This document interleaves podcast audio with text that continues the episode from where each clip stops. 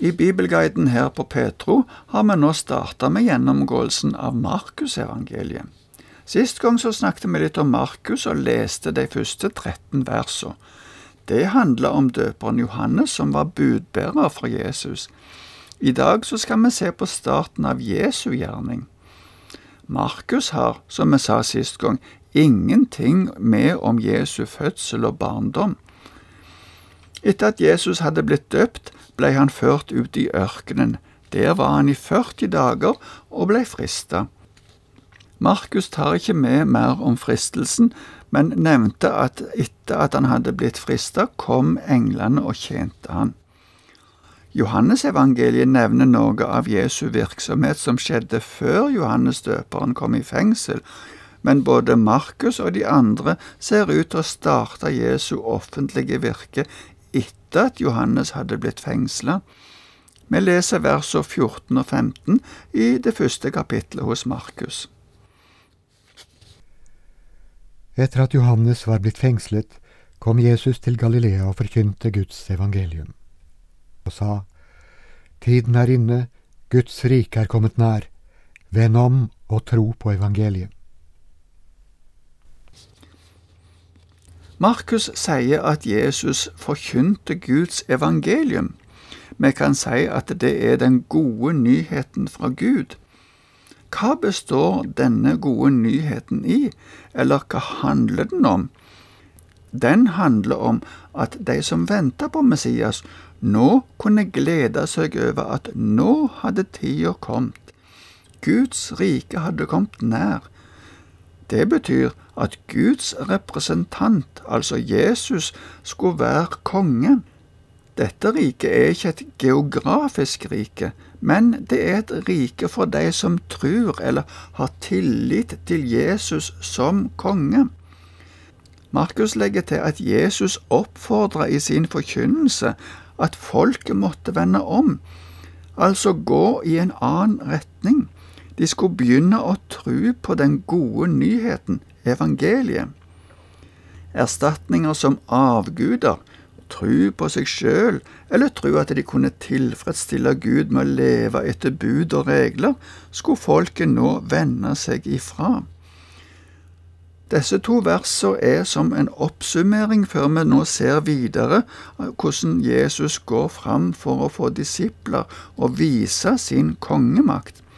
Først skal vi se noen vers som viser hvordan han fikk de første disiplene. Vi leser ifra vers 16 til 20. En gang han gikk langs Galileasjøen, fikk han se Simon og Andreas, bror til Simon. De holdt på å kaste not i sjøen, for de var fiskere. Jesus sa til dem, Kom og følg meg, så vil jeg gjøre dere til menneskefiskere. Straks lot de garnet ligge og fulgte ham. Da han kom litt lenger fram, fikk han se Jakob, sønn av Sebedeus, og hans bror Johannes. De satt i båten og bøtte garn. Da kalte han dem og de lot faren, Sebedeus, bli igjen i båten sammen med leiefolkene, og fulgte ham. Johannes evangeliet viser at Jesus møtte Andreas og Simon Peter og noen andre i Jerusalem, men det kan hende at det var den første kontakten, men at Jesus seinere konkret oppfordrer de til å følge han. Fra Johannesevangeliet er det òg naturlig å tenke at Johannes var den andre disippelen som sammen med Andreas var de første som ble kjent med Jesus. Muligens hadde alle disse fire vært disipler av døperen Johannes, men nå ville de følge Jesus. Alle fire var fiskere. Jesus bruker et bilde de forsto når han kalte de til å følge han. De skulle bli menneskefiskere. De forlot straks garnet, båten og de som de arbeidet sammen med, og fulgte Jesus. Beskrivelsen bærer preg av at den som har forlatt dette, har sjøl sett eller opplevd det som skjedde. Andreas og Peter var ifra Betsaida, sier evangelisten Johannes, men det kan se ut som at de bodde i Kapernaum. I fortsettelsen ser vi hvordan Jesus går til synagogen der og underviser. Etterpå går han med disiplene hjem til Peter. Vi skal lese ifra vers 21 til 31. Så kom de til Kapernaum, og da det ble sabbat, gikk han inn i synagogen og underviste.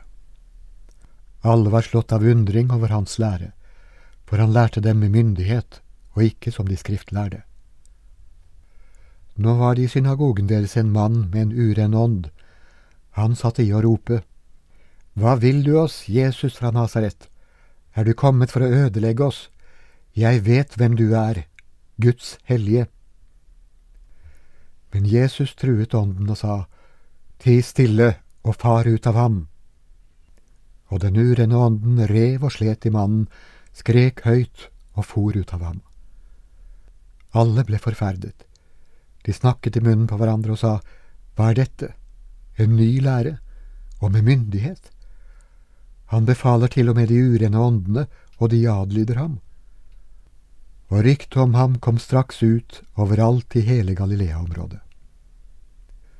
Da de forlot synagogen, gikk de rett hjem til Simon og Andreas. Jakob og Johannes fulgte med.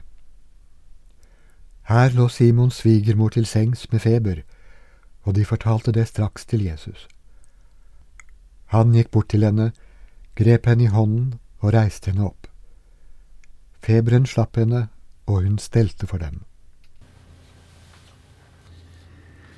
Vi ser at Jesus i synagogen underviste, og folket der undra seg over den undervisningen som han kom med. De merka at han hadde en helt annen myndighet enn de som de pleide å høre på. I synagogen var det òg en mann med ei urein ånd. Det går fram at denne mannen var styrt av ei ond ånd, men Jesus dreiv den onde ånda ut ifra mannen. Det førte til enda mer forundring blant folk. Jesus viste en guddommelig makt over åndene. Den ureine ånda kjente Jesus som Guds hellige. Så gikk, som jeg sa, Jesus hjem til Peter og Andreas. Der får de se at Peters svigermor hadde feber, men Jesus helbreder henne Dermed viste Jesus at han også hadde makt over sykdommer. Hun ble glad da dette skjedde, og stelte for Jesus og de første disiplene, ser vi.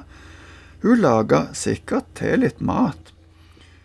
Både etter det som hadde skjedd i synagogen, og òg det at Jesus hadde helbreda svigermora til Peter, fikk ryktet til å gå.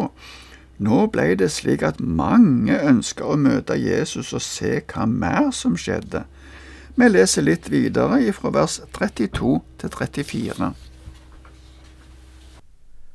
Da det ble kveld og solen var gått ned, brakte de til ham alle som var syke eller hadde onde ånder. Hele byen var samlet utenfor døren. Han helbredet mange som led av forskjellige sykdommer, og drev ut mange onde ånder. Men han tillot ikke de onde åndene å si noe, for de visste hvem han var. Det stimla sammen masse folk utenfor, og kanskje også inne i huset til Peter. De hadde med seg mange syke, og også andre som var besatt av onde ånder. Ja, sammenstimlingen var så stor at Markus beskriver det som at hele byen var samla der. Jesus helbreda mange som hadde forskjellige sykdommer, og de som var besatt av vonde ånder, ble fri ifra disse. På et eller annet tidspunkt hadde alle disse personene gått hjem igjen, kanskje da det ble mørkt. Det var jo ikke gatelys på den tida, men neste morgen så hadde de nok tenkt å komme tilbake. Men nå skal vi lese litt hva som skjedde neste morgen. Vi skal nå lese ifra vers 35 til 39. Vi er fremdeles i det første kapitlet hos Markus. Tidlig neste morgen mens det ennå var mørkt, sto Jesus opp, gikk ut og dro til et øde sted og ba der. Men Simon og de andre skyndte seg etter ham, og da de fant ham, sa de, Alle leter etter deg. Men han sa til dem, La oss gå videre til småbyene her omkring, så jeg kan forkynne der også. Det er derfor jeg er kommet. Så dro han gjennom hele Galilea, forkynt i synagogene deres og drev ut de onde åndene. Jesus forlot huset før det ble lyst om morgenen. Da folk som var der dagen før, kom tilbake, var ikke Jesus der. Simon og noen andre som ikke er nevnt, gikk ut for å se etter Jesus. Han hadde gått til et øde sted. Der var han og ba. Det var ikke bare ei kort bønn. Det ser ut som at det er en måte å be på som tok tid. Kanskje vi kan beskrive det som en samtale eller et møte med Gud. Da Simon og de som var med han, fant Jesus, sa de at han måtte skynde seg å komme, for det var så mange som ville treffe han. Ja, de sa alle leter etter deg. De var sikkert forundra i utgangspunktet over at Jesus hadde gått så tidlig ut om morgenen. Svaret fra Jesus gjorde de helt sikkert enda mer forundra. Han ville ikke gå tilbake til alle de som venta på han der, men ville gå videre til andre steder. Da er det heller ikke til de store byene, men til småbyene Jesus ville gå. Budskapet eller evangeliet om Guds rike måtte gjøres kjent lenger ut. Jesus drog videre og forkynte i synagogene rundt om i hele Galilea, står det. I tillegg til å forkynne, så drev han ut onde ånder der han møtte disse. I fortsettelsen så ser vi noen enkeltpersoner som Jesus møter. Men vi får ikke tid til mer i dag, så det får du forberede deg på til neste gang. Takk for nå, og Herren være med deg.